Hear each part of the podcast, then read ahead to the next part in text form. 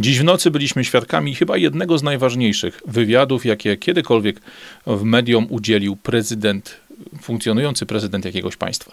Mówię oczywiście o wywiadzie Takera Carlsona z prezydentem Rosji Władimirem Putinem. Spójrzmy, co działo się, co było pytaniami, co było odpowiedziami, co działo się w czasie tej ponad dwugodzinnej rozmowy. Zapraszam.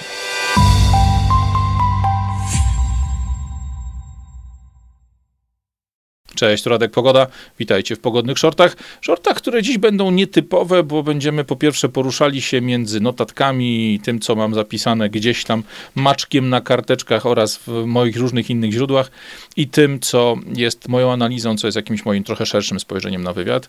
E, ten materiał podzieliłem celowo na takie wyraźne części, wyraźne rozdziały, bo wielu z Was pewnie nie będzie chciało marnować czas na to, aby się zastanowić konkretnie nad tym, co się wydarzyło w poszczególnych zdaniach, co się wydarzyło w poszczególnych wypowiedziach bo było tego naprawdę dużo.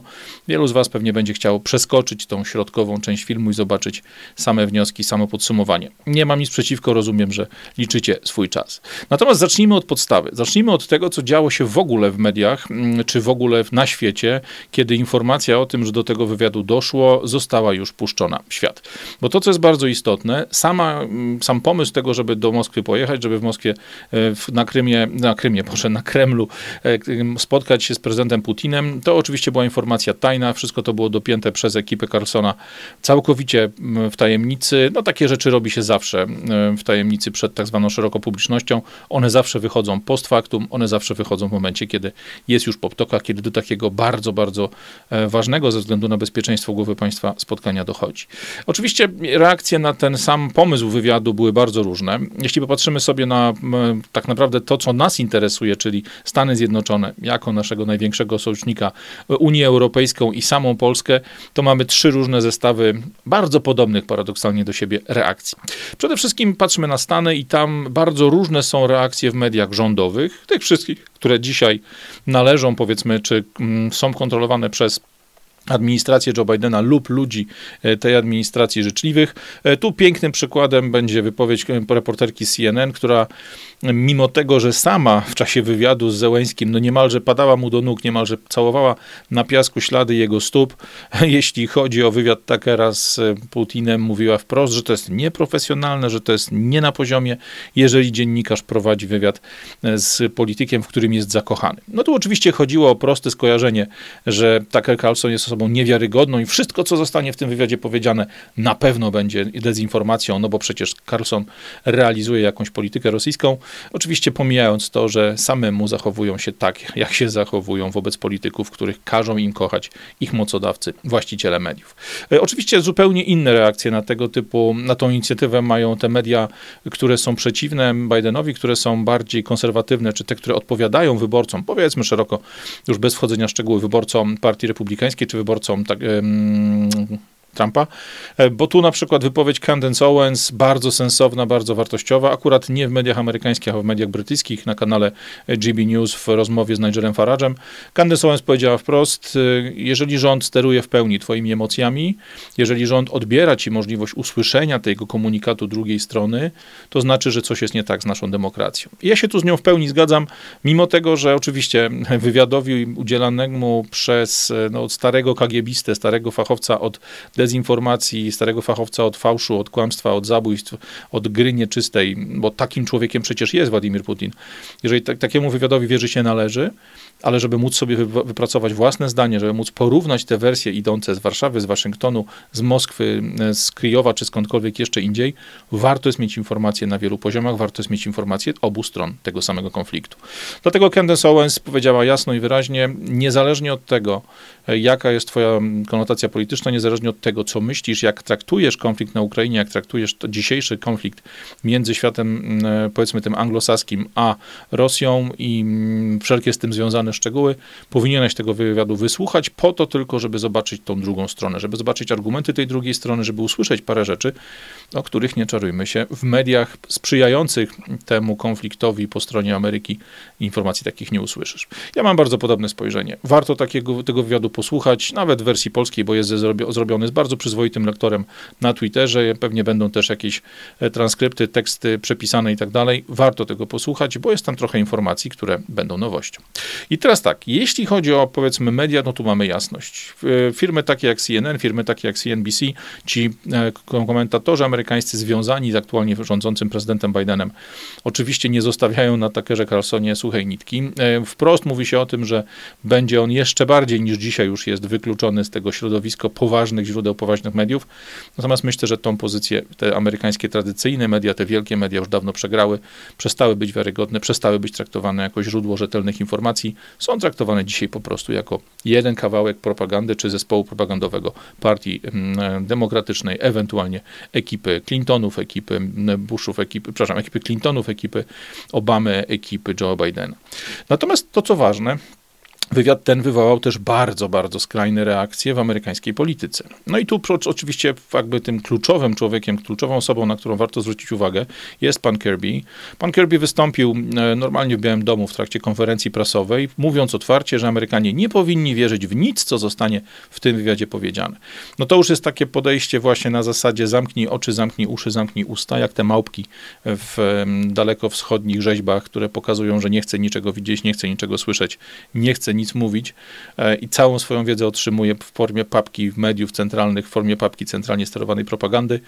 Natomiast to nie jest bez znaczenia. E, Tucker Carlson jest osobą bardzo mocno rozpoznawalną w Stanach, jest osobą, która udowodniła wielokrotnie, że naprawdę robi rzeczy, które są niekoniecznie dla niego korzystne od strony wyniku finansowego, od strony rozpoznawalności, takiej popularności w tych szerokich mediach, ale jest dzisiaj człowiekiem, który wybudował sobie bardzo mocną pozycję i jego zdanie, to co on mówi, to co on robi, to jak on dopiero zacznie komentować ten wywiad, jak po powrocie do Stanów, to myślę, że będzie miało spory wpływ na amerykańską politykę, na amerykańskie wybory, które już za, przed nami za chwilę na jesieni.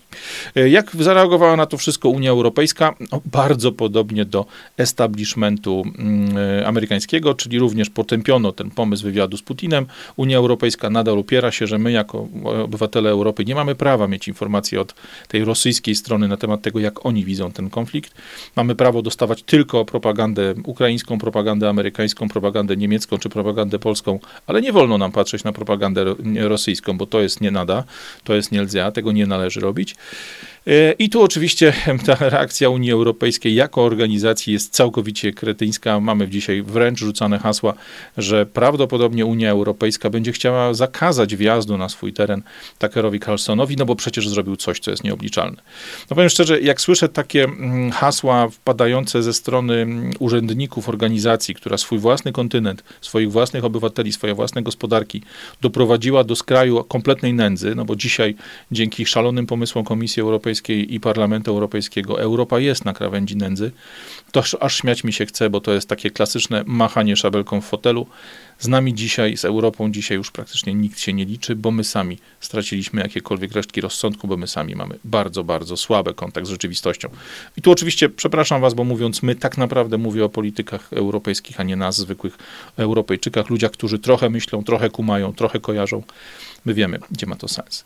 A jeśli chodzi o Polskę, jeśli chodzi o polskie media, polskie reakcje polityczne, no mamy tutaj kompletny rozjazd. Przede wszystkim odleciał nam po raz kolejny pan generał Skrzypek, człowiek, który kiedyś był wiceministrem obrony, który cały czas od początku tego konfliktu na Ukrainie robi absolutnie wszystko, żeby doprowadzić do wejścia Polski do, do tej wojny. Zresztą nie on jeden, bo mamy pana Kowala, mamy bardzo wielu innych ludzi, którzy pchają Polskę do wojny e, na Ukrainie z całych sił. No ten człowiek dzisiaj dalej chrzani androny, e, oczywiście zmieniając zdanie o tym, że zaraz Rosja upadnie, a teraz jest nagle bardzo silna i teraz trzeba się bronić i trzeba się wzmacniać i trzeba się szykować na atak. A chwilę temu opowiadał nam, że wejście do Moskwy, gdyby Polacy tam pojechali walczyć, to w trzy dni byliby pod Kremlem te wszystkie pierdoły, te wszystkie chore, kompletnie pozbawione sensu i pozbawione jakiejkolwiek logiki e, wypowiedzi, to jest coś, co pokazuje, jak bardzo emocjonalne jest podejście do tematu wojny na Ukrainie w Polsce, jak bardzo ta partia wojny, bo to nazywam ich globalnie, bo to bardzo wielu polityków z różnych ugrupowań, jak bardzo oni chcą, żebyśmy jako Polska do tej wojny już weszli. Tak naprawdę dzisiaj obawiam się tylko jednego, te reakcje na samo hasło o tym, że będzie wywiad z Putinem, już wywołały w Polsce bardzo mocne jakby wzniecenie, mocne wzbudzenie wzburzenie tych polityków, którzy Polskę do wojny wpychają, no bo wiadomo, oni nie będą w tej wojnie walczyć, oni wyślą tam nas. Natomiast niestety początek wywiadu Takera z Putinem to jest opowieść o historii, historii Ukrainy, ale opowieść o historii Ukrainy, która mocno zahacza o historię Polski. I za chwilę za nim porozmawiamy, bo myślę, że niestety ten fragment, ten początek, to otwarcie i, i bardzo was proszę, żebyście przynajmniej tą część samego wywiadu z jakimś tłumaczeniem czy napisami przeglądnęli, przesłuchali. Ten początek będzie naprawdę w Polsce powodem do bardzo gromkiego wycia, do podżegania wojennego, do tego, aby pojawiły się hasła, idziemy walczyć z, Ros z ruskimi, bo Ruski nas oczernia przed światem. Natomiast to jest temat, o którym jeszcze pomówimy dosłownie za parę sekund. To, co, sam, to, co pokazało bardzo ładnie e, jak można prowadzić dzisiaj nowoczesne dziennikarstwo, to sama forma, w jakiej ten wywiad był prowadzony. Wywiad prowadzony był w konwencji, która jest no, takim książkowym więc przykładem dobrego dziennikarstwa. To jest to, co ja zawsze podziwiałem u Moniki Jaruzelskiej, mimo historii jej ojca, mimo tego, jak moja rodzina przez decyzję jej ojca, jej, jego, jej ojca, kolegów została potraktowana. Ja bardzo cenię dziennikarzy, którzy potrafią stać się tłem, którzy potrafią zadawać pytania, którzy potrafią prowadzić polityka czy osobę publiczną, z którą prowadzą rozmowę, tak, aby ten człowiek powiedział, co myśli, powiedział, co ma gdzieś tam w głowie, w sercu, w duszy. Natomiast ci dziennikarze nie próbują być tym przesłuchującym, tak jak pani Olejnik, nie próbują być osobą dominującą jakieś spotkanie, jakiś program, nie próbują za, jakby być najważniejszą osobą, tym człowiekiem, którego sława jest tutaj istotniejsza niż wypowiedź rozmówcy, niż informacje, które od rozmówcy płyną. I to dokładnie było widać w tym wywiadzie Takera Carlsona. Są tacy, którzy przypisują mm, jakby trochę większe, trochę głębsze dno do tej całej historii. Mówią, ok, Carlson się ewidentnie bał, był człowiekiem, który jest zastraszony i tak dalej, i tak dalej. No, ja tego nie widziałem. Widziałem człowieka, który doskonale wie, że jest to sytuacja dla niego osobiście bardzo ważna, no bo to jest absolutnie najważniejszy wywiad, jakiego on kiedykolwiek, jakikolwiek w swoim życiu, w swojej karierze przeprowadzał. A z drugiej strony myślę, że Tucker Carlson to jest człowiek, który rozumie konsekwencje takich rozmów. Rozumie, że jeżeli wyciągnie, albo jeżeli w czasie takiego mm, wywiadu padną jakieś słowa, które będą mocno zaburzały tą historię, mocno zaburzały to, co wiemy na temat wojny na Ukrainie, to, co wiemy o procesie tak zwanego wychodzenia z wojny, to te informacje mogą mieć prawdziwy, realny wpływ na kształt świata, na to, czy będzie większa wojna, czy też ten konflikt ustanie. E, oczywiście tu mamy sytuację takiego też trochę walczenia dwóch kogutów. Carson ma oczywiście niższą pozycję niż, e, niż Putin, natomiast on nie pozwala się zagonić do narożnika, on wraca do swoich pytań, kiedy Putin popadł w bardzo długą opowieść o historii Ukrainy, o historii jakby tych relacji między Rosją, Ukrainą, Moskwą i Ukrainą, która doprowadziła do dzisiejszej wojny, e, Tucker się wcina mu kilkukrotnie, tam jakby przerywając, dodając, dodając pytania i tak dalej, i tak dalej. E, I Putin musi go przywołać do porządku, że proszę mi dać skończyć moją opowieść, potem pogadamy o pytaniach. Carson tutaj nie oddaje drogi, nie oddaje jakby tego pola. Jeżeli ta opowieść e, Putina staje się zbyt długa, on to blokuje, on to przerywa. Natomiast jest jasne, że wie doskonale, jak, jaką wartość ma ta rozmowa, więc pozwala Putinowi wypowiedzieć się do końca, nie wcina się po chamsku, nie blokuje jego wypowiedzi, nie stara się być w żaden sposób zaborczy, namolny, czy w jakikolwiek inny sposób próbować dominować nad swoim gościem. Myślę, że tutaj dla Carsona absolutnie e, szapoba, absolutnie czapki z głów, bo pokazał warsztat dziennikarza, a nie warsztat showmana, a nie warsztat kogoś, kto robi to pod kątem jakiegoś clickbaitu, to po prostu miała być rozmowa, on po prostu chciał usłyszeć to, co Putin ma do powiedzenia na temat tego, co dotyczy Ukrainy, co dotyczy sytuacji Rosji, Stanów Zjednoczonych, Chin, BRICS-u, grupy G7, Niemiec i wielu, wielu, wielu innych państw, w tym niestety Polski. Bo to jest fragment, który myślę, że dla nas, Polaków, będzie najtrudniejszy. E, tak naprawdę cała rozmowa rozpoczyna się od jednego kluczowego pytania, które będzie wracało kilkakrotnie. Rozpoczyna się od pytania, które Putin zadaje Tuckerowi Carlsonowi, czy będzie to prawdziwa rozmowa, czy będzie to prawdziwy wywiad, czy będzie to show. Czy zamierza być dziennikarzem, czy zamierza być showmanem. Bo Putin chce wiedzieć, czy, ma, jakby, czy może wypowiadać swoje zdania, czy może mówić o tym, co myśli, czy będzie mu przerywane. Dogadują się, że będzie to wywiad prowadzony na poziomie nie show, a na poziomie rozmowy, na poziomie prawdziwej dziennikarskiej pracy i obaj tego standardu trzymają. I tu zaczyna się ten temat dla nas bardzo trudny, trudny do przełknięcia, bo pojawia się pierwsze kilkanaście minut polskiej, mm, znaczy raczej historii ukraińskiej i Ukrainy opowiadanej z punktu widzenia Władimira Putina, z punktu widzenia rosyjskiej polityki, z punktu widzenia rosyjskiej historii, czy pewnie mówiąc szerzej, rosyjskiej propagandy, rosyjskiego spojrzenia na świat.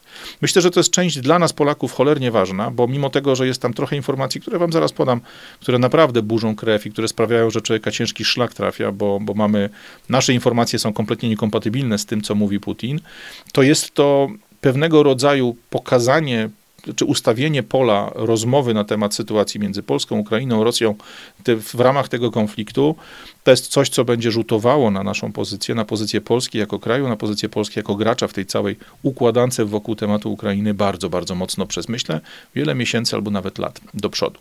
E, opowiadając o historii Ukrainy, kilka rzeczy rzuca się w oczy. Oczywiście nie będę was tutaj karał wysłuchaniem czy opowiedzeniem swoimi słowami tego, co Putin powiedział, bo, bo to nie ma sensu. Wysłuchajcie tego sami. Ja chcę wam tylko powiedzieć o paru rzeczach, bo one są istotne, żeby zrozumieć, o co chodzi. Główne przesłanie tej całej opowieści o historii Ukrainy to jest jasna informacja. To jest ruska ziemia, to są ruscy ludzie, to są Rosjanie, którym ktoś namieszał w jest, to są Rosjanie, którzy ze względu na historię, trudną historię tego obszaru, gdzieś się pogubili i tak naprawdę Putin, ten dobry człowiek, od wysłannik mateczki Rosji, dzisiaj robi wszystko, aby ci Rosjanie powrócili na łono swojej ojczyzny, powrócili do Moskwy, powrócili do Rosji jako po prostu część wielkiego narodu rosyjskiego. Oczywiście nie wchodząc w szczegóły, opowiada całą historię od jakby późnego średniowiecza, pokazuje niestety Polaków jako opresorów, jako tych napastników, którzy podbili tę część Rusi, którzy sprawili, że ludzie mieszkający na terytorium Ukrainy, Rus, Rusini mieszkający na terytorium Ukrainy, Ukrainy byli polonizowani, byli na siłę przerzucani do standardu kultury polskiej, byli traktowani beznadziejnie przez Polaków, byli, były na nich różnego rodzaju problemy sprowadzane i dopiero pan Chmielnicki wybawił ten, e, tych Rusinów mieszkających na terenie dzisiejszej Ukrainy spod polskiej opresji, spod polskiej niewoli, kombinując na linii Warszawa-Moskwa, tak aby jak najlepsze warunki załatwić dla swoich. E, Putin pokazuje, że tak naprawdę ideę ukraińskiej państwowości, czy ideę ukraińskiego narodu jako takiego, czyli wydarcie ich z tego organizmu e, narodów rosyjskich, czy narodu rosyjskiego i stworzenie z nich osobnej grupy, to dopiero pomysł Austriaków, dopiero pomysł z wieku XIX.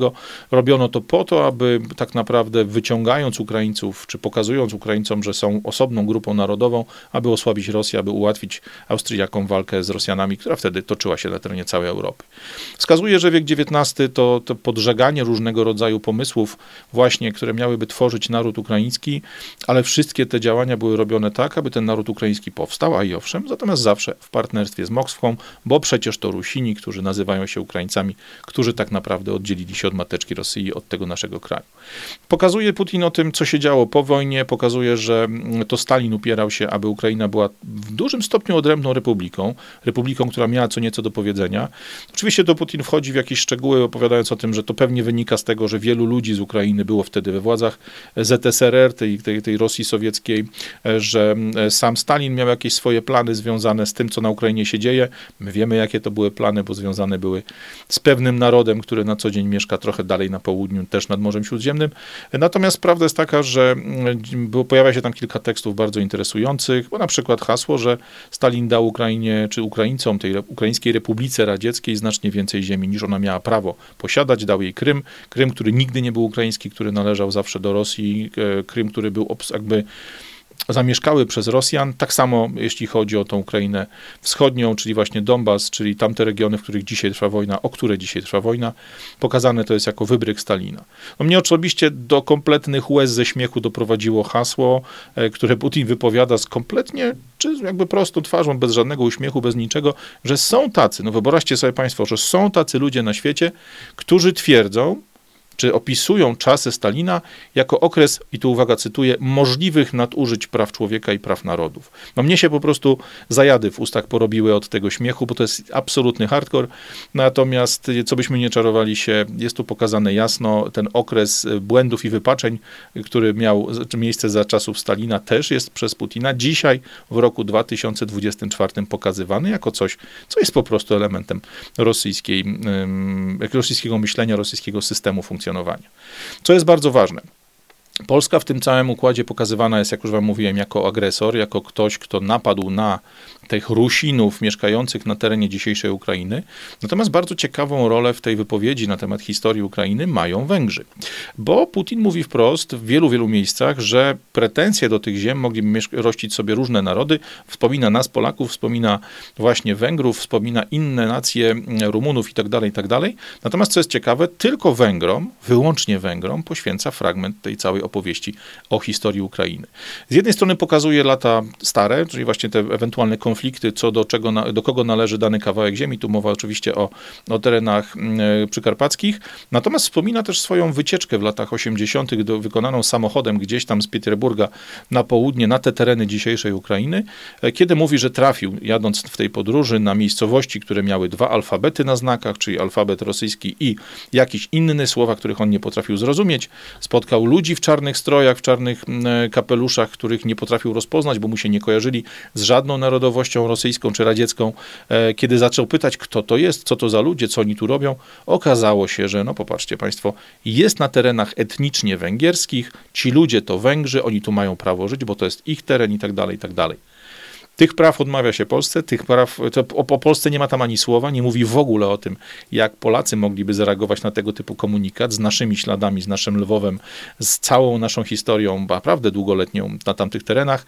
On o Polakach nie mówi ani słowa, mówi tylko i wyłącznie o tym, że na tamtych terenach, jeśli już, to ktokolwiek mógłby powiedzieć cokolwiek o swoich prawach, to są to właśnie Węgrzy i nikt inny. Myślę, że to jest takie piękne przełożenie na dzisiejszą relację Rosji z właśnie z powiedzmy z ekipą e, prezydenta Orbana, czy w ogóle, czy premiera Orbana, przepraszam, czy w ogóle podejściem e, Rosjan do Węgier, do Węgier, które bardzo mądrze manewrują w tym konflikcie. Natomiast to jest taki, taki szczegół, taki detal, który sprawia, że naprawdę warto się po głowie podrapać, warto się zastanowić, czy to nie jest wypuszczenie pewnego e, zająca, pewnego hasła, za którym mogą pójść jakieś ruchy na Węgrzech, ruchy domagające się przywrócenia władzy węgierskiej na tych terenach. Może to jest zaproszenie do jakiejś jakiejś wspólnej akcji. Ciężko to czuć, natomiast to ewidentnie brzmi, to wybrzmiewa tam między zdaniami, że Węgrzy zostały, jakby Węgrom zostało pokazane, słuchajcie, wy jako jedyni, dla mnie, Władimira Putina, jesteście ludźmi, jesteście krajem, narodem, który mógłby w temacie Ukrainy mieć jakiekolwiek roszczenia, czy mieć jakiekolwiek pomysły. Później zaczyna się ten temat dla nas najtrudniejszy. Temat najtrudniejszy dla nas ze względu na to, że po prostu jest mowa o polskiej historii i ta historia pokazana jest w sposób, który nam, Polakom, naprawdę jeży włos na głowie, włos na karku, włos na tyłku, w zależności od tego, gdzie kto najmocniej obrośnięty, bo mamy tak naprawdę rzucenie na nas bardzo wielu oskarżeń. Przede wszystkim tego, że to my byliśmy agresorem, że to my napadliśmy na, na tereny Rusi i próbowaliśmy tych biednych mieszkających tam ludzi spoli, spolonizować, próbowaliśmy zmienić ich kulturę, próbowaliśmy ich stłamsić, zniszczyć i tak dalej, i tak dalej, ale to jeszcze małe miki. Największym problemem, który myślę, że w Polsce będzie po tym wywiadzie, to jest pokazanie historii relacji polsko-niemieckich w latach 30. przed II wojną światową, bo Putin mówi wprost, że Polska przed II wojną światową kolaborowała z Hitlerem, wyobraźcie sobie. I chociaż nie ugięła się pod żądaniami Hitlera, to uczestniczyła w rozbiorze Czechosłowacji razem z Hitlerem, a ponieważ Polska nie chciała się zgodzić na to, aby oddać Niemcom ten tak zwany korytarz, czyli Gdańsk i tereny, które nie pozwalały połączyć Prus Wschodnich z jakby terytorium Rzeszy, to to właśnie Polacy posunęli się tak daleko, utwardzili się w swoich żądaniach tak mocno, że biedny Hitler, że biedny austriacki malarz nie miał wyjścia, słuchajcie, biedaczysko, i musiał rozpocząć II wojnę światową. Został wręcz wepchnięty do II wojny światowej przez to, że Polacy nie chcieli się poddać, przez to, że Polacy nie chcieli mu oddać Gdańska, Gdyni wtedy już funkcjonującej, tych terenów, które takim, takim trudem, takim sprawnością, takim sprytem odzyskali w traktacie wersalskim. To jest po prostu hardcore. To jest coś, czego jeżeli nie jesteście przygotowani na te treści, no, będzie powodowało u was mocne, mocne podejście. Co więcej, e, ta wypowiedź jest jest tak skonstruowana, że w ogóle nie pojawia się w niej kompletny amok, kompletne szaleństwo, kompletna nielogiczność tego, że Polska została zaatakowana z obu stron. O ataku Niemców, o ataku Niemców na Polskę jest mowa jasno. No, Polacy nie dali Niemcom Gdańska, więc Niemcy ich zaatakowali, ale już fa fakt tego, że 17 września do Polski wjechali Rosjanie, czy wjechali radzieccy żołnierze na tankach z drugiej strony, łamiąc wszelkie postanowienia i tak dalej, i tak dalej, nie ma słowa. To, co ciekawe, informacja o tym, że Polska Polska została podzielona między Niemcy i Związek Radziecki, pojawia się tylko w formie, że przecież w pakcie Ribbentrop-Mołotow, o którym wszyscy wiedzą, jest, było, był taki zapis, że te ziemie później już w czasie wojny zostały podzielone między Związek Radziecki i Niemcy. To jest majstersztyk, słuchajcie. To jest majstersztyk opowiedzenia historii jak to się ładnie mówi, historii dla debili, wiedząc, że tam po drugiej stronie kamery, w tych amerykańskich domach, w tych niemieckich, austriackich, francuskich domach siedzą ludzie, którzy niestety w temacie historii Europy Środkowej są debilami. Są ludźmi, którzy nie mają kompletnie pojęcia, są ludźmi, którzy są kompletnie zmanipulowani, którzy mają historię albo niekompletną, albo opowiadaną w taki sposób, aby ten Zachód, który traktował Rosję jako sojusznika przez wiele lat, nie powodował konfliktów. Ci ludzie więc mogą spokojnie w to uwierzyć. No jak usłyszałem hasło, że Rosjanie mają gdzieś w archiwach i nawet przyniesiono Takerowi Carlsonowi kopię dokumentów z archiwów Związku Radzieckiego, e, e, doku, dokumentu, który pokazuje prośbę mm, władz Związku Radzieckiego o, o pozwolenie przejścia wojsk rosyjskich na pomoc rozkładanej przez, rozkradanej przez Hitlera Czechosłowacji, no to mnie się po prostu łza wokół zakręciła, bo to jest taki poziom odjazdu, że głowa mała. Natomiast no, jeżeli mamy jako odpowiedź polskiego rządu hasło, że nie, nie, te rosyjskie wojska, które niosą pomoc, które lecą na pomoc Czechosłowakom, zostaną strącone z nieba, no to w tym momencie myślę, że co do sterowania informacją na temat Polski mamy całość. Oczywiście ta opowieść o Polsce trwa dłużej, pokazują, że po e, zakończonej wojnie ZSRR odzyskała swoje historyczne ziemie, no czyli to, co zabrano II Rzeczpospolitej, pokazywane jest jako coś, co jest wreszcie znowu e, jakimś tą sprawiedliwością, ale co ciekawe, tu Putin nie ograniczył się do tego, aby mówić o II wojnie światowej, wykorzystując czy nakręcając e, atmosferę przeciwko Polsce. On też zrobił taki wrzut, taką wrzutkę, na którą nie wiem, czy ktokolwiek inny zwrócił uwagę, bo to mały kawałek, ale istotny moim zdaniem. Pokazał, że po II wojnie światowej Polska otrzymała tereny, które kiedyś były częścią Niemiec. Wschodnią część Niemiec dostali Polacy w ramach układanek powojennych, w ramach tego nowego rysowania e, granic. I można by to potraktować jako drobiazg, bo taka przecież była prawda. Tak zwane ziemie odzyskane, Szczecin, Wrocław, ten cały zachodnia część Polski, to miejsca, które wcześniej do Polski nie należały.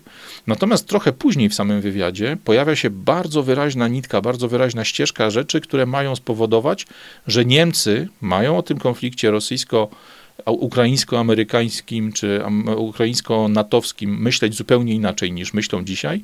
I wydaje mi się, że połączenie tych informacji, że Polska dostała ziemię, która jej się nie należała, ziemię niemieckie, z tym, co później mówi się o rurociągach, z tym, co później mówi się o właśnie zablokowaniu dzisiejszej gospodarki Niemiec i tak dalej, i tak dalej, to ma się połączyć, to ma sprawić, że Polska ma być wrogiem nie tylko dla Ukraińców, nie tylko dla Rosjan, nie tylko ma być pokazana jako ten, ten wredny, ten mieszający mały szczeniak, który się wcina w konflikt wielkich chłopców. Myślę, że również ta informacja jest przeznaczona dla Niemiec, ta informacja przeznaczona jest dla niemieckiej opozycji, dla ludzi, którym nie podoba się to, co się dzieje w Niemczech, aby tą energię przekierować przeciwko nam. Może przesadzam w tym zakresie, ale jeśli przesłuchacie ten fragment y, i przesłuchacie później to wszystko, co Putin mówi bezpośrednio do Niemców za pomocą Takera Carlsona i jego kanału, Myślę, że będziecie mieli swoje skojarzenia. Jeśli macie jakieś pomysły na ten temat, jeśli przesłuchacie ten fragment, dajcie mi proszę informacje w komentarzach, bo to dla mnie bardzo, bardzo cenna rzecz. Tyle jeśli chodzi o te rzeczy, które są dla nas najistotniejsze. No i teraz, jeśli nie macie już więcej czasu, to przestańcie słuchać. E, wróćcie tylko na sam koniec do ostatniego rozdziału, kiedy podam wam kilka słów podsumowania. Natomiast to, co chciałbym zrobić w tej chwili, to przejść bardzo szybko przez tematykę, która była poruszana. Jak widzicie po moich notatkach, jest tego cała masa. Ja oczywiście nie będę was zanudzał całością tych rozmów, czy tam całością tej rozkminy, bo ona nie jest tu potrzebna. Natomiast chcę poruszyć kilka rzeczy, które są naprawdę istotne dla nas, kilka rzeczy, które y, pokazują pewne nowe elementy, albo elementy, o których się nie mówi, bo one na pewno nie są nowe, po prostu nie są dla nas dostępne. Jeśli chodzi o sam konflikt na Ukrainie, jeśli chodzi o to, jak Rosjanie patrzą na ten konflikt, albo inaczej, jak Rosjanie chcą, żeby patrzyli na ten konflikt ludzie, którzy będą oglądali wywiad Takera Carlsona z Putinem. Z rzeczy istotnych mamy tak naprawdę te sprawy związane mm, z sposobem funkcjonowania mm, Ukrainy, ukraińskich władz y, w ramach konfliktu, który mamy tutaj. Przede wszystkim istotne jest to, że cały czas Putin powołuje się na historię, bardzo sprawnie funkcjonuje, bardzo sprawnie żongluje datami y, i opowiada o rzeczach, które są no bardzo, bardzo istotne. Natomiast on początek tej wojny nie, nie blokuje początku tej wojny, która dzisiaj toczy się na Ukrainie, ani w roku 2022, w lutym, kiedy faktycznie wojska rosyjskie wjechały, czy tam wojska e, te fizyczne wjechały na teren Ukrainy, nie pokazuje też początku konfliktu w roku 2014. Nie, nie.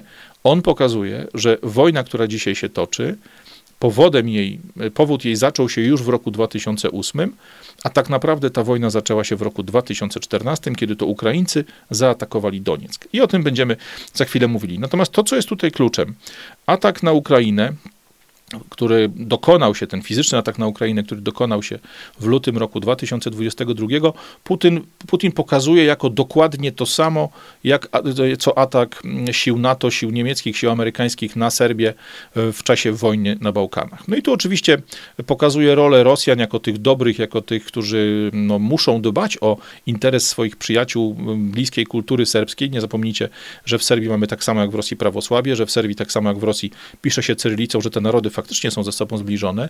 Natomiast tutaj Putin podaje bardzo jasną informację. Jeśli macie do mnie pretensje o to, że zaatakowałem Ukrainę, to patrzcie, co wy robiliście parę lat wcześniej na, na terenie Jugosławii byłej. W czasie wojny o Kosowo, w czasie wojny serbskiej i tak dalej, i tak dalej. To jest pokazane bardzo jasno. Putin też mocno pokazuje obłudę Zachodu i to trzeba mu przyznać rację, bo mówi, że jeżeli atakowaliście Serbię, jeżeli atakowaliście właśnie w tamtym konflikcie, to wy jako NATO atakowaliście niezależny kraj, niezależny naród, to powiedzieliście, że Karta Narodów Zjednoczonych, czy powiedzieliście, że wszelkiego rodzaju prawa międzynarodowe to już jest przeżytek, że one się nie nadają do dzisiejszych czasów, one nie nadają się do tego, aby tymi starymi, stęchłymi, pachnącymi um, jakąś tam naftaliną dokumentami rozstrzygać, czy opierać o to nowoczesne konflikty, nowocze konflikty nowoczesnych państw. Putin pokazuje jasno, te dokumenty, które sami jako Zachód wyrzucaliście do śmieci, mówiliście, że są nic nie warte, że są przeterminowane, że już dzisiaj są anachronizmem, Dzisiaj powołujecie się na te same dokumenty, żeby nam uniemożliwić zakończenie wojny z Ukrainą. Bo nie żarujmy się, właśnie to jest najlepsze. On twierdzi, że w lutym 2022 roku wykonał operację wojskową, aby zakończyć wojnę, która trwa nieprzerwanie od roku 2014. Co jest bardzo fajne. E, jeśli chodzi o takie techniki manipulacji, jeśli chodzi o to, jak Putin potrafi sterować tym przekazem, jak on potrafi tym komunikatem sterować, to pokazuje bardzo wiele rzeczy, nie tylko dotyczących samej Ukrainy, ale rzeczy, które dotyczą pozycji Rosji, pozycji Rosji względem Chin, pozycji Rosji względem Chin, Stanów Zjednoczonych, Unii Europejskiej, Europy i tak dalej. I tu jest bardzo ciekawe podejście, bo z jednej strony pokazuje, że Rosja jest małym krajem, krajem, którego nie należy się bać, to mówi wręcz wprost, że Europa powinna brać się Chin, bo Rosja to tylko 150 milionów ludzi, a Chiny to aż półtorej miliarda. Rosja to gospodarka, która jest bardzo mocna i bardzo sprawna i dobrze handluje z Chinami, ale nieporównywalna do tej największej gospodarki świata. Chińczyków za ich gospodarkę, za ich wzrost gospodarczy, za parytet siły nabywczej, który pokonał już ten parytet siły nabywczej Amerykanów, chwali w kilku miejscach tej rozmowy, pokazuje tą Rosję jako tą jakby siłę nieistotną, ten organizm, którego bać się nie trzeba, a z drugiej strony jasno pokazuje swoją rolę, czyli rolę Rosji w BRICS-ie, rolę Rosji we współpracy z Chinami jako dobrego partnera, który robi świetne interesy. Ich plany na wymianę handlową zostały przekroczone w tym roku i tak dalej, i tak dalej. Rzecz bardzo ciekawa, rzecz bardzo ważna, bo ona opiera się wprost, zresztą nawet Putin do tego nawiązuje, wprost do starej domeny czy do starej maksymy Bismarcka, że każdy konflikt to tak naprawdę porównanie potencjałów obu walczących stron. No i tu myślę, że mamy wyciągnąć bardzo prosty wniosek. Potencjał Ukrainy, nawet z wykorzystaniem potencjału NATO, czy potencjału Unii Europejskiej, czy Stanów Zjednoczonych, to jest coś nieporównywalnego do potencjału Rosji, szczególnie jeśli stoją za plecami Chin. To, co jest istotne, to są elementy, to są te kroki, które prowadziły do konfliktu. I Putin mówi wprost, początkiem jest rok nie 2022, nawet nie Majdan w roku 2014, początek to rok 2008, kiedy po raz pierwszy NATO złamało zasady, e, czy tą umowę, która funkcjonowała wokół Ukrainy, wokół krajów tych dawnych demoludów przez całe lata 90. po rozpadku Związku Radzieckiego. On wprost w kilku miejscach odwołuje się do tego, że mimo wszelkiego rodzaju umów, mimo wszelkiego rodzaju kontraktów i zapewnień obu stron, NATO aż pięciokrotnie rozszerzało swój zakres, rozszerzało swój zasięg, zbliżając się coraz bardziej do rosyjskich granic, zbliżając się coraz bardziej do samej Rosji. Mówi wprost o tym, że na terenie Ukrainy przed rokiem 2022 były bazy wojskowe NATO, były bazy wojskowe Amerykanów, byli ludzie, którzy tam siedzieli, czy jako tak zwani pracownicy cywilni, czy jako najemnicy, czy po prostu jako osoby oddelegowane do jakichś pseudo-ukraińskich miejsc. Myślę, że to się bardzo ładnie spina z informacjami, które mieliśmy w latach Dawidowych na temat jakichś tam ośrodków badań biologicznych, różnego rodzaju ośrodków militarnych, ośrodków nasłuchu i tak dalej. To wszystko w słowach Putina wybrzmiewa, oczywiście tylko zaznaczone jako hasło, a nie ze szczegółami. Co, co jest ważne, Putin pokazuje też, że nawet on, kiedy po ponad już te 20 lat spełni te najwyższe urzędy w, w Rosji, on wielokrotnie proponował Zachodowi to, aby otworzyli drzwi dla Rosji, aby Rosja mogła przystąpić do NATO, aby mogła stać się tym elementem tej wielkiej gospodarki światowej, tego wielkiego światowego układu gospodarczo-militarnego, bo pokazuje, że to byłoby z korzyścią dla wszystkich stron. Rosjanie mogliby wtedy spokojnie handlować z całym światem, mogliby być włączeni w ten cały świat. Co ciekawe, jakby sugerując wejście do NATO, czy pokazując, że Rosja chce do NATO wchodzić, pokazał bardzo ciekawego wroga, bo powiedział jasno, jeśli Amerykanie stawiają swój system rakietowy, na co się nie zgadzaliśmy, jeżeli Amerykanie przygotowują NATO do wojny obronnej, jakiejś wojny przed napadającą siłą, no to po dołączeniu Rosjan do tego układu mielibyśmy jednego wspólnego wroga i wrogiem tym byłby Iran.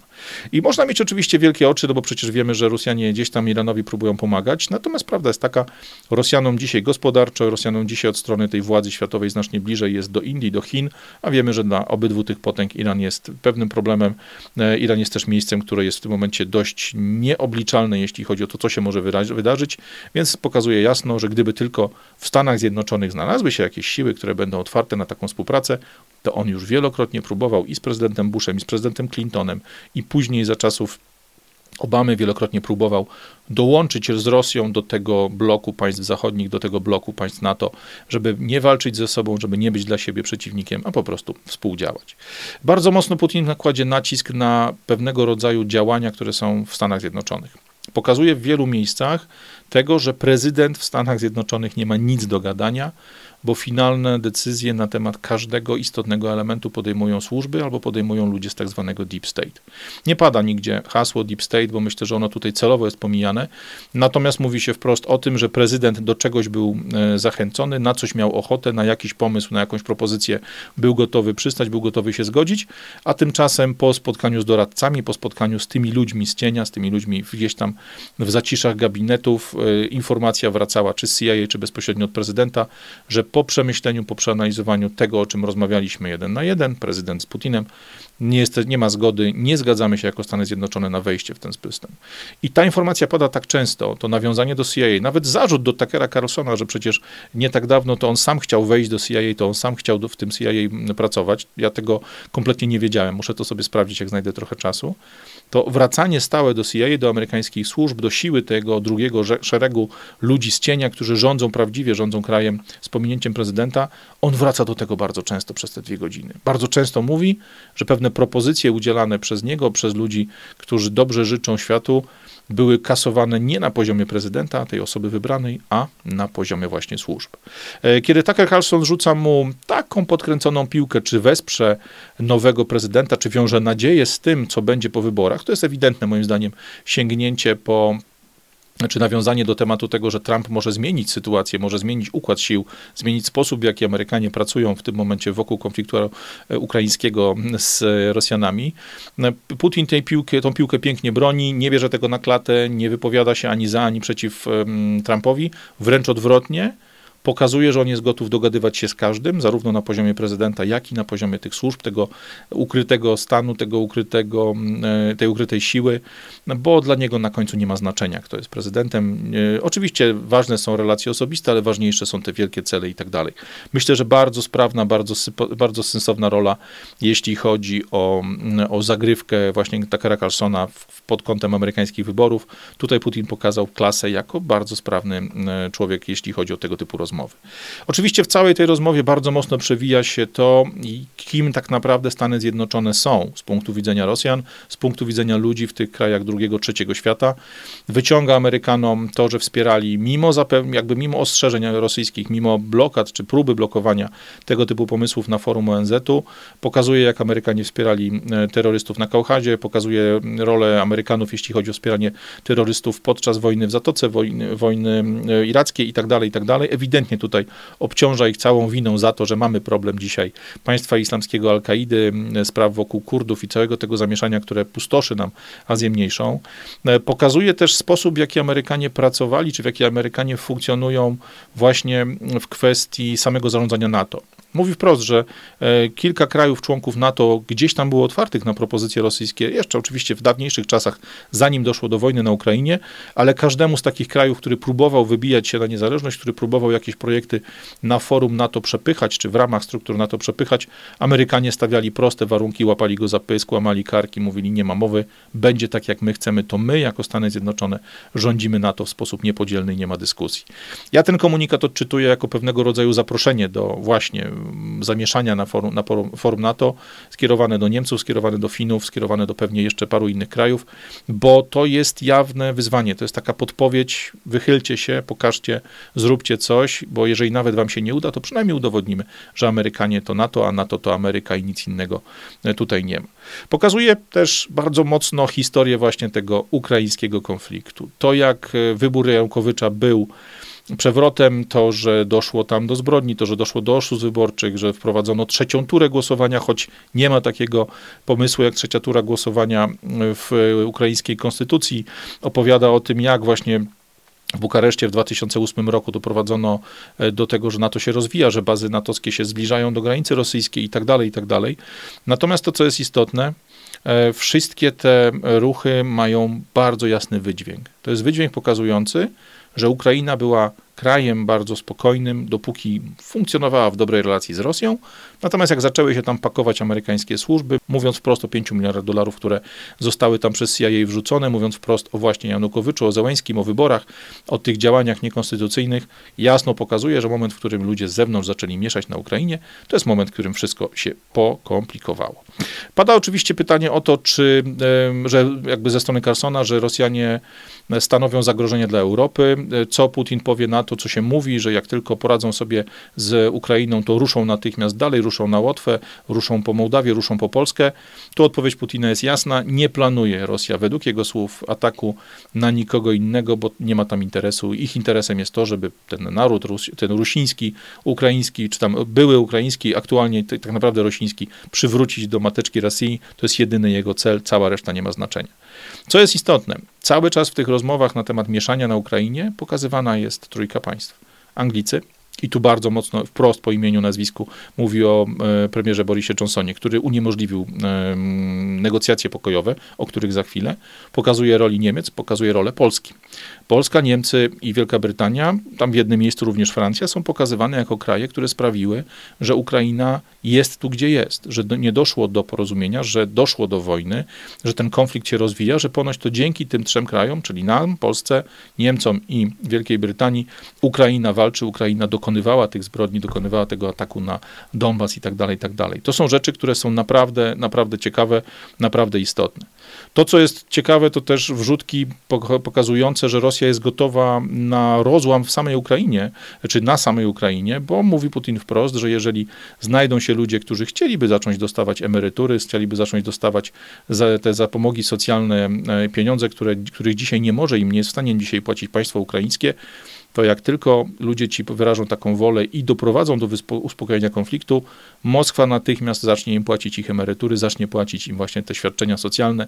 No myślę, że to jest jasna zagrywka do tego, aby pokazać, że e, można zrobić jakiś wyłom, można zrobić jakiś lekki przewrót, jakąś lekką obstrukcję wewnątrz samej Ukrainy, a Rosjanie na to chętnie podejdą. No i wreszcie idziemy do najważniejszych elementów, bo między innymi do tego, co jest według Putina kluczową sprawą, jeśli chodzi o Ukrainę. Sprawa bardzo ważna również z naszego polskiego punktu widzenia, bo Putin mówi otwarcie o tym, że celem jego operacji wojskowej, tej, którą rozpoczął w roku 2022, jest denazyfikacja Ukrainy. Mówi on otwarcie o tym, że Ukraina jako kraj była budowana na takiej właśnie klejonej gdzieś tam z, mm, zupełnie sztucznie historii, bo jako kraj przecież nie funkcjonowali, nie mieli więc narodu, nie było kraju, nie było historii. Mówi otwarcie o tym, że Ukraińcy wybrali sobie świadomie zupełnie jeden okres swojej historii jako to miejsce, jako ten czas, który będą brali jako bazę do swojego narodowego mitu. No i oczywiście pokazuje tutaj mit Bandery, mit, mit Szuchewycza, mit tych ludzi, którzy jednoznacznie, e, może inaczej, którzy są niejednoznaczni w swoich zachowaniach, ale których on jednoznacznie określa jako neonaziści, jako ludzie, którzy w latach II wojny światowej współpracowali z Hitlerem, współpracowali z, tym, e, z tą potężną potęgą niemiecką, napadając na Polaków, napadając na Żydów, napadając na wiele innych ludzi. Oczywiście również tutaj na Rosjan, czy ten część narodu, e, który zawsze był rosyjski, ale który bardziej rosyjski jest od Rosjan, który się poczuwa najbardziej do tego właśnie pnia kulturowego, do tej wspólnej historii. E, I do tej denazyfikacji bardzo mocno wraca, pokazuje przykłady, pokazuje zachowania wielu osób z tego ukraińskiego kręgu osób zarządzających krajem i tak dalej, i tak dalej. Pokazuje, że ten kult narodowy, ten, to tworzenie podstaw e, narodu właśnie w oparciu o te neonazistowskie wzorce do dzisiaj jest, jest widoczny. Mówi o flagach nazistowskich, mówi o wszelkiego rodzaju naszywkach, nie naszywkach, znakach, e, szczególnie tutaj na zachodniej Ukrainie. Pokazuje też, że ludzie, którzy jakby pod tymi hasłami, to są ludzie, którzy dzisiaj walczą na wojnie. Oczywiście tutaj odpowiedzialność Polski za e, ucisk Ukrainy pokazuje jako powód, dla którego dochodziło do tak zwanych operacji odwetowych. No myślę, że tutaj mowa jest wprost praktycznie o Wołyniu. Natomiast mówi o bardzo wielu elementach który, mm, które tak naprawdę bardzo mocno współgrają z tym, no co, o czym my dzisiaj w Polsce mówimy po cichu, bo nasze media nie dopuszczają do tych rozmów, właśnie o tym, że na Ukrainie część ludzi, która tam funkcjonuje, która jest tym patriotycznym ukraińskim mitem przesiąknięta, to nie są ludzie, którzy dla Polski, dla polskiej historii, dlatego jak my postrzegamy tę, tę naszą relację, e, ci ludzie nie są wcale otwarci, nie są wcale chętni. Co jest bardzo ważne, w tym całym wywiadzie pojawia się kilka wrzutek, które mają bić w konkretne osoby, w konkretne miejsca, w konkretne e, narody, czy, czy wpływać bardzo mocno na politykę pewnych krajów, pewnej działki. Przede wszystkim mowa jest tutaj o trzech krajach. Mówimy przede wszystkim o Stanach Zjednoczonych, bo Putin dużo mówi na temat tego i mówi tak, żeby wpłynąć na politykę amerykańską przed wyborami. Mowa jest o Niemczech i mowa jest o Unii Europejskiej trochę szerzej. Zacznijmy od Stanów Zjednoczonych, bo to jest najmocniejsze.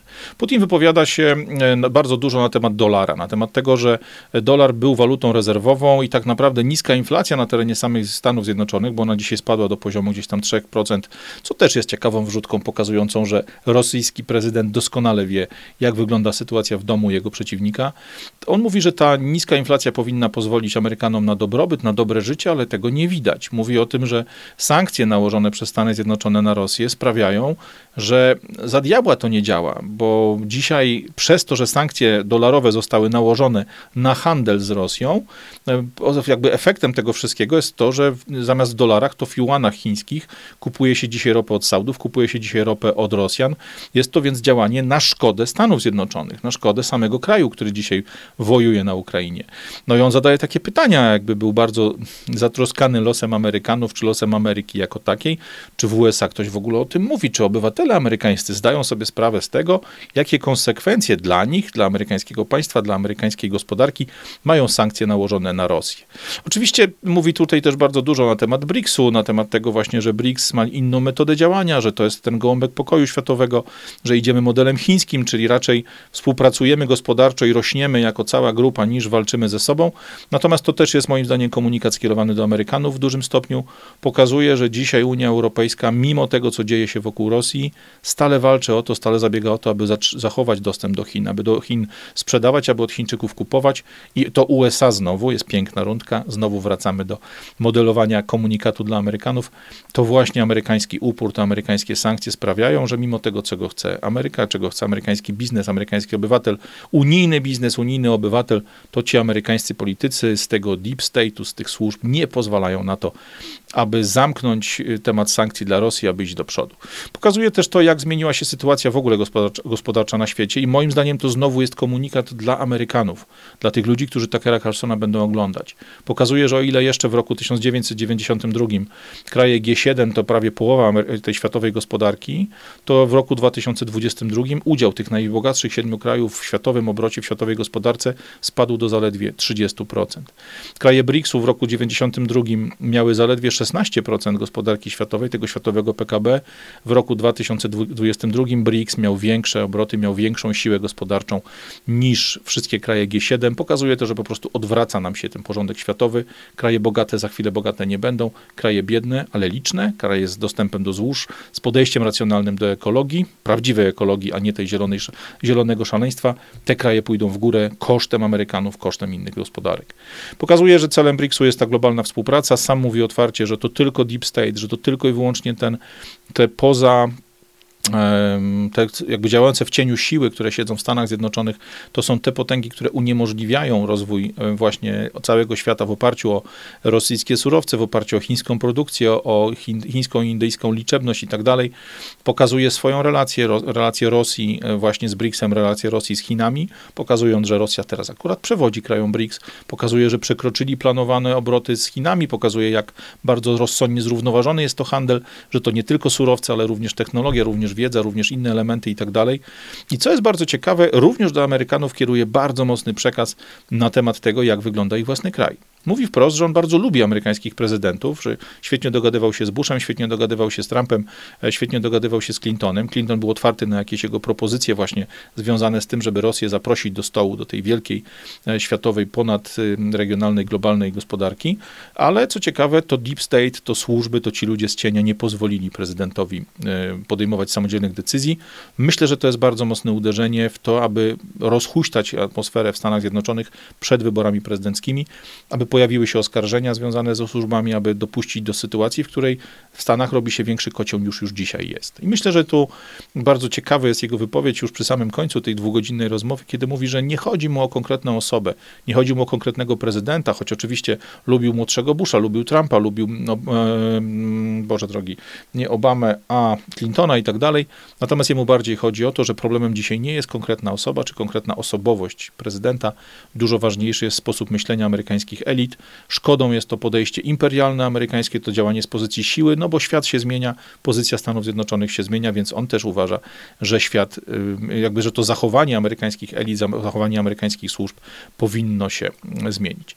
E, no efekt jest taki, że ta zbyt duża rola Stanów Zjednoczonych jest przez niego pokazywana też przez pryzmat tej historii, która powiedzmy nas wszystkich tutaj łączy, bo mówi wprost, że dziś w Stanach Zjednoczonych w zarządzaniu tym krajem, w decyzjach, które są podejmowane na poziomie gospodarczym, na poziomie militarnym, na poziomie tej polityki zagranicznej.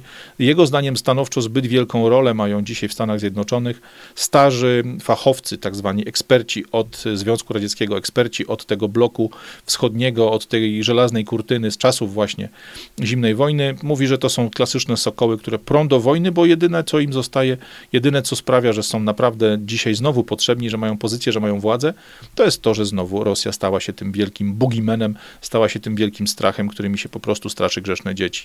Jego zdaniem to jest działanie krótkowzroczne we własnym interesie tych ekspertów, to jest tylko nakręcanie biznesu dla firm zbrojeniowych, to jest nakręcenie wojny, a ci ludzie takim właśnie firmom e, służą.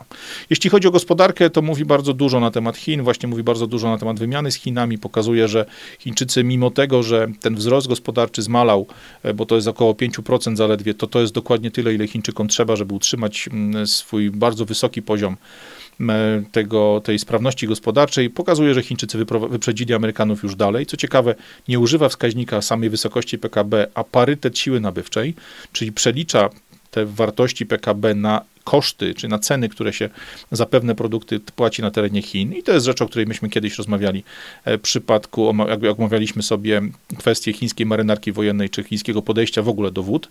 Pokazuje rolę Stanów Zjednoczonych widzi, że nadal jest jakiś tam drobny wzrost, ale ten drobny wzrost to jest wzrost odczuwany przez niektóre wybrane rynki, nie widać tego w całym kraju.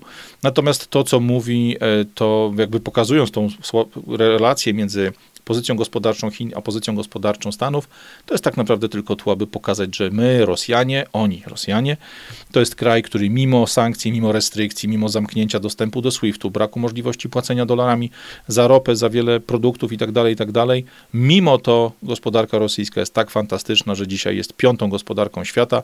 Po Chinach, Ameryce, Indiach, Japonii to właśnie Rosja jest numerem piątym i jest pierwszą gospodarką w Europie co sprawia, że Amerykanie powinni przemyśleć swoje spojrzenie na to, co robi ich rząd, co robi ich administracja, bo jak widać sankcje, jak widać te blokady nie wpływają na pozycję Rosji, nie wpływają na pozycję Chin, więc generalnie to warto zmienić. No znowu, to jest ewidentna wrzutka, która pokazuje, że Amerykanie mają coś zrobić przed wyborami, aby było im lepiej. I idźmy do ostatnich dwóch punktów, bo musimy pomówić troszkę o samej Ukrainie i o tym, jaki wpływ ten wywiad będzie miał prawdopodobnie w Niemczech na to, co dzieje się w tej chwili.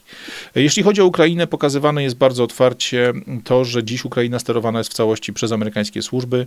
Załęski pokazywany jest jako, jako człowiek, który może i miał kiedyś pełną swobodę do decydowania na temat tego, czy wojna się toczy, jak się toczy, w którym kierunku i tak dalej. Natomiast od, prawie, od początku tego konfliktu bardzo szybko ta władza została zastąpiona sugestiami czy decyzjami, które zapadają poza Ukrainą, poza Kijowem. Tu pokazywana, są, pokazywana jest rola znowu Brytyjczyków, pokazywana jest rola oczywiście amerykańskiego CIA.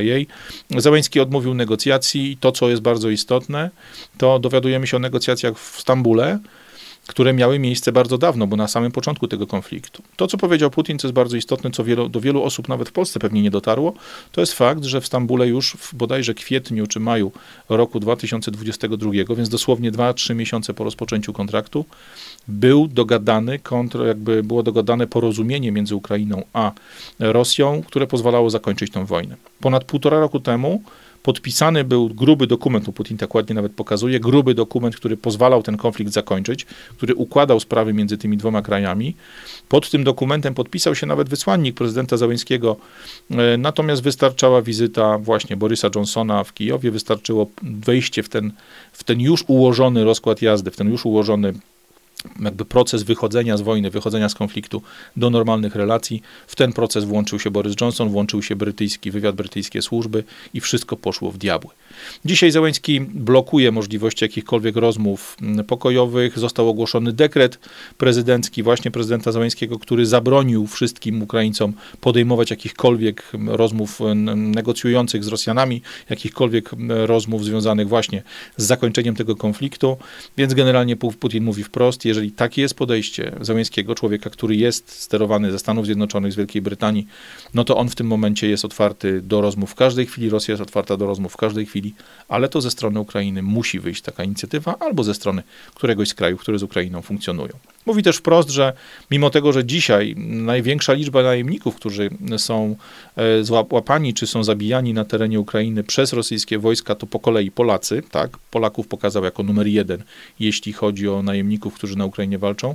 Zaraz potem mamy e, Amerykanów i chwilę później pojawiają się też e, najemnicy z innych krajów. Putin powiedział wprost, jeśli są to najemnicy, jeśli są to ludzie, którzy walczą prywatnie przeciwko Rosji, no to traktuje to po prostu jako jakaś decyzja osobista pojedynczego człowieka. Natomiast moment, w którym Amerykanie chcieliby postawić, jakby wysłać do, na Ukrainę regularne wojsko, regularną swoją armię. To jest moment, w którym on sam przeniesie skalę tego konfliktu do konfliktu, który będzie widoczny w skali całego świata. Według niego Załęski oszukał swoich wyborców, bo idąc do władzy obiecał ludziom zakończenie wojny, a tak naprawdę dał się zastraszyć, dał się oszukać, czy po prostu w jakiś tam sposób zdobyć serce. E, udało się tym twardym, agresywnym neonazistom, którzy siedzą w ukraińskim rządzie, wśród oligarchów ukraińskich, dał się podpuścić, dał się zmanipulować ludziom z zagranicy i dzisiaj mamy sytuację, w której e, dla Ukrainy, dla ludzi, którzy tam mieszkają, nie ma wyjścia, bo po prostu decyzja prezydenta, ten dekret prezydencki, który blokuje możliwość podjęcia jakichkolwiek negocjacji, sprawia, że ludzie będą tam ginać, ginąć. E, ten konflikt mógł zakończyć się już półtora roku temu, a on nadal się toczy, choć nikt inny na tym nie korzysta. Na samym końcu bardzo ciekawe są wrzutki dotyczące paru tematów. Przede wszystkim e, bardzo ciekawie Putin opowiada o tym, jak to Rosja jest tym krajem, rządzonym czy funkcjonującym według e, zestawu wartości chrześcijańskich. Mówi bardzo dużo o prawosławiu, o wartościach chrześcijańskich, o rosyjskiej duszy.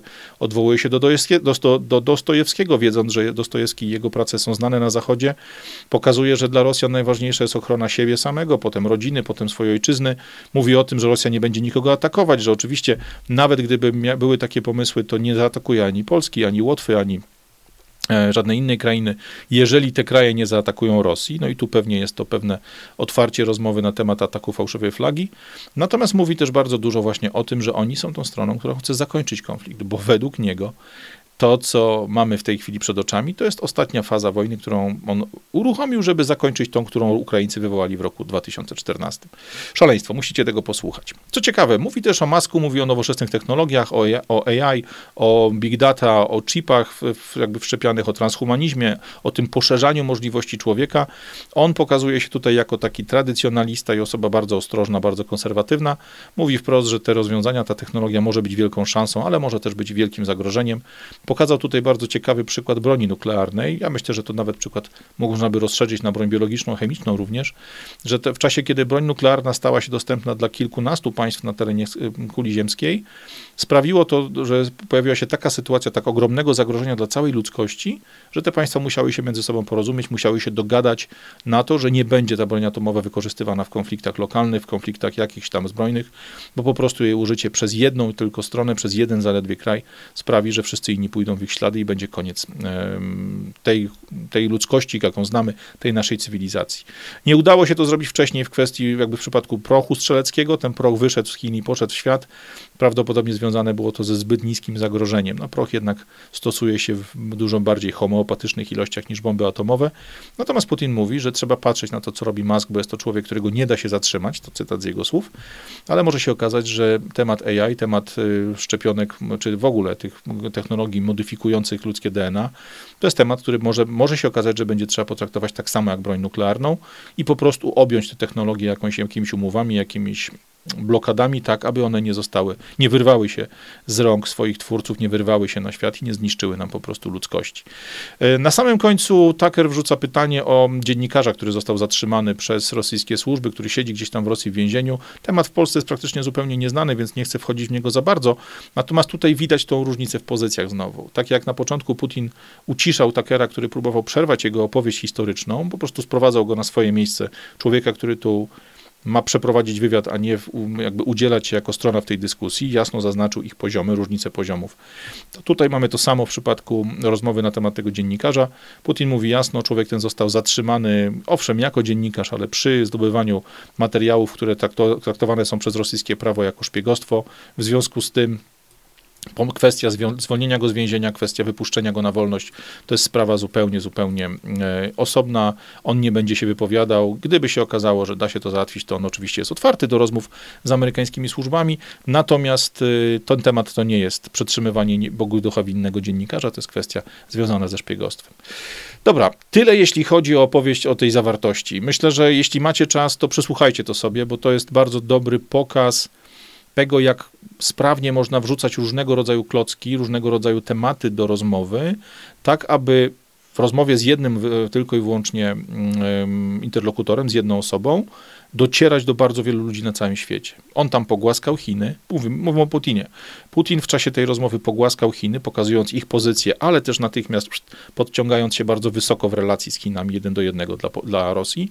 Zaatakował amerykański establishment, amerykański deep state, te służby, nie służby, ludzi działających w cieniu w roku wyborczym. Uderzył w bardzo wiele elementów i poruszył też jeden temat, którego, o którym mam jeszcze nie mówiłem, który celowo zostawiłem sobie na sam koniec, bo jest najbardziej bliski dla nas, dla Polski. Co jest bardzo ważne bowiem. Putin w całej tej rozmowie praktycznie w ogóle nie mówi o Unii Europejskiej jako takiej. Wyciągnął z Unii Europejskiej Węgry, wyciągnął z niej kraje, które są potencjalnie zagrożone y, jego następnym atakiem, czyli tu mamy Polskę, Łotwę i tak dalej, i tak dalej.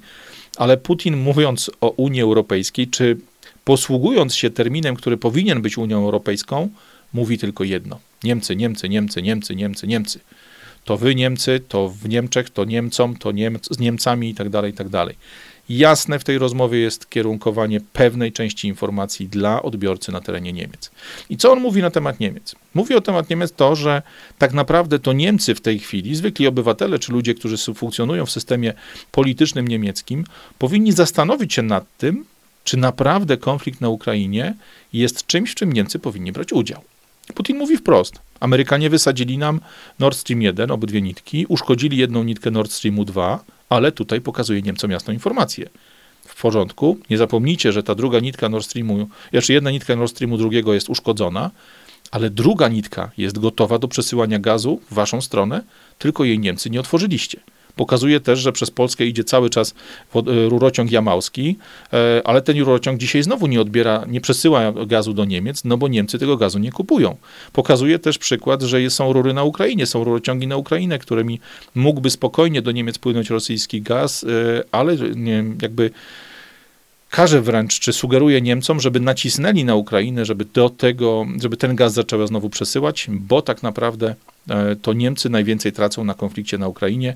Amerykanie dają tylko pieniądze, ale te pieniądze wracają do nich w postaci zakupu broni, a Niemcy tracą, bo są odcięci od rosyjskich energetyków, głównie od rosyjskiego gazu. Myślę, że tutaj mamy takie, już podsumowując to dosłownie w ostatnich zdaniach, mamy bardzo ładnie pokazane to, jak w tej rozmowie można sterować informacją. Jest tam przekaz dla Ukraińców, bardzo prosty. Jesteście częścią Rusi, jesteście częścią narodu rosyjskiego. To, że wasza historia jest pofafluniona, to, że dzisiaj rządzą wami jacyś szaleni kompletnie neonaziści, to, że wasz prezydent dał się porwać, przestraszyć, czy po prostu podbić e, właśnie ludziom z tą neonazistowskim rysem, to jest coś, co po prostu jest jak jest, ale my wam pomożemy, my was wyzwolimy, my chętnie będziemy płacili wam wasze emerytury, będziemy płacili wam wasze zasiłki, zadbamy o was jako Matka Rosja, tylko po prostu dołączcie się do nas. Pokazuje, że na Ukrainie dzisiaj mimo tych ogromnych strat, które ponosi naród ukraiński, zwykłe rodziny, zwykli ludzie, rany, śmierci, niszczenie majątku i tak dalej, ludzie wyjęci z życia przez te, przez te kupę lat, pokazuje, że to wszystko jest winą mm, ukraińskiego rządu, że to ukraiński rząd wokół Załęckiego odrzuca propozycję kontra, jakiegoś, mm, jakiejś negocjacji pokojowych, odrzuca możliwość zakończenia tego konfliktu drogą pokojowym. Jednocześnie pokazuje, że Ukraina nie ma szansy wygrać, pokazuje, że to Ukraina traci na każdym dniu wojny, że ci, którzy dostarczają na Ukrainę pieniądze, dostarczają na Ukrainę sprzęt, czy jakieś tam uzbrojenie, to są firmy, które to są kraje, które na tym zarabiają, a Ukraina traci. To jest bardzo jasny przekaz dla Ukraińców, który sprawia, że ma być wywołany sprzeciw przeciwko Załęskiemu, że ma być wywołana jakaś wolta, jakiś bunt. To jest jasne otwarcie um, ścieżki do tego, aby to Ukraińcy sami Załęskiego obalili, aby zakończyli tą wojnę oddolnie. Kolejny przekaz to oczywiście ten przekaz do Stanów Zjednoczonych. To, co już wam mówiłem po kawałku, tutaj jest pięknie, spróbuję zebrać w paru zdaniach pokazuje Amerykanom, że są sterowani nie przez prezydenta, nie przez człowieka, na którego mają wpływ w procesie wyborczym, tylko przez ludzi, którzy działają gdzieś w cieniu, przez ten Deep State, przez CIA, przez te siły, o których Amerykanin zwykły nie ma, jakby nie ma pojęcia albo nie ma na te siły żadnego wpływu. Pokazuje, że rola prezydenta, czy to był Clinton, czy to był Bush, czy nawet czy to był Trump, ta rola prezydenta jest niewielka, bo tak naprawdę rządzi ta druga linia, rządzą ci ludzie z cienia. Myślę, że tutaj celem jest to, aby wywołać w Amerykanach poczucie niepewności, aby wywołać w Amerykanach wściekłość na służby, wściekłość na CIA, wściekłość na tą całą organizację tego właśnie tajnego rządu, który dzisiaj ogromne pieniądze z amerykańskich podatków, z amerykańskiego długu przeznacza na pomoc Ukrainie, który wspiera swoich sponsorów, ludzi, którzy siedzą w koncernach militarnych, którzy produkują te wszystkie czołgi, karabiny, naboje i tak dalej, i tak. To jest cel prosty, wywołać poruszenie, wywołać zamieszanie w Stanach Zjednoczonych. No i cel trzeci to oczywiście właśnie Niemcy, to jest pokazanie Niemcom, że powinni pełnić swoją rolę. Brak mowy na temat Brukseli, brak mowy na temat jakichkolwiek pomysłów unijnych. Unia jest traktowana przez niego jak nikt, jako zwykła figa. Natomiast to wy, Niemcy, obudźcie się, zablokujcie tę szaloną politykę, przywróćcie e, tani gaz, przywróćcie sobie tanie energetyki, przywróćcie nowe funkcjonowanie, sensowne funkcjonowanie waszej niemieckiej gospodarki. To jest po prostu klasyczne zagranie, to jest szantaż Niemców na Ukrainę, żeby otworzyli wam rury z gazem, to jest szantaż na niemieckich polityków czy unijnych polityków, żeby odwołali sankcje. To jest pokazanie, że jeżeli nie podoba Wam się e, sposób, w jaki dzisiaj rząd Scholza działa jakby przeciwko Rosji, właśnie sankcjami i tak dalej, to przyciśnijcie swój rząd, żeby z tych sankcji zrezygnował, żeby znowu rurami Nord Streamu 2, rurami Jamału czy rurami rurociągów idących przez terytorium Ukrainy popłynęła rosyjska ropa, popłynął rosyjski gaz do niemieckich fabryk, do niemieckiego przemysłu, żeby ten niemiecki zryw, który dzisiaj widzimy choćby w formie protestu niemieckich rolników, żeby dało się go przełożyć na sukces gospodarki rosyjskiej i poukładać to wszystko. To bardzo ważna rozmowa. To rozmowa, którą myślę, że warto przesłuchać, choć jest długa i jest upierdliwa, bo czasami tak naprawdę e, no, jakby ta rozmowa plącze się w wielu detalach i tak dalej, jest strasznie urywana, strasznie szarpana. Jak widzicie, moje notatki i tu i na ekranie to naprawdę taki wielki galimatias. E, starałem się to wam jakoś przygotować, jakoś wam to oprawić w taki sposób, żeby was nie zanudzić. Natomiast jeśli znajdziecie czas, to przesłuchajcie na pewno, koniecznie przesłuchajcie ten początek, tą historię Ukrainy, gdzie jest mowa o polskiej roli w II wojnie światowej, żebyście po prostu wiedzieli, o co zaraz, o co zaraz będzie się w polskich mediach toczyła tak zwana gównoburza. Natomiast całość, jeśli znajdziecie czas, przesłuchajcie też gdzieś na jakimś spacerze, na siłowni czy jadąc samochodem, bo myślę, że ona jest dość istotna, pokazuje bardzo wiele tematów, które mogą wypłynąć znikąd, które mogą się pojawić nagle w polskich mediach, w, czy w rzeczywistości, która wokół nas, wokół Polski funkcjonuje. Myślę, że będzie to bardzo ważna rozmowa, jeśli chodzi o nastroje w Niemczech, nastroje w Stanach, nastroje w ogóle w Unii Europejskiej. Myślę, że Niemcy i inne narody europejskie mają dosyć tego drożyzny, chcieliby wrócić do taniego gazu, wrócić do taniej ropy, wrócić do taniego paliwa żeby po prostu mm, jakby przywrócić tą sytuację dobrobytu, przywrócić sytuację, kiedy zwykłych ludzi będzie stać na zwykłe życie, na zwykłe rzeczy. Myślę, że tutaj Putin zrobił fantastyczną robotę. Póki co, bardzo Wam dziękuję. Zapraszam Was do przesłuchania tego materiału, tego nagrania, tego wywiadu w całości. A ja nie ukrywam, że biorę popcorn i będę patrzył na to, jakie będą konsekwencje tego wywiadu dla Takera Carsona w Stanach Zjednoczonych. Czy będzie miał zarzuty, prokuratorskie, czy będą go ścigali ludzie właśnie z CIA, z tego Deep State'u, czy zostanie ta rozmowa podciągnięta pod działalność właśnie jakąś wywrotową, czy działalność na szkodę.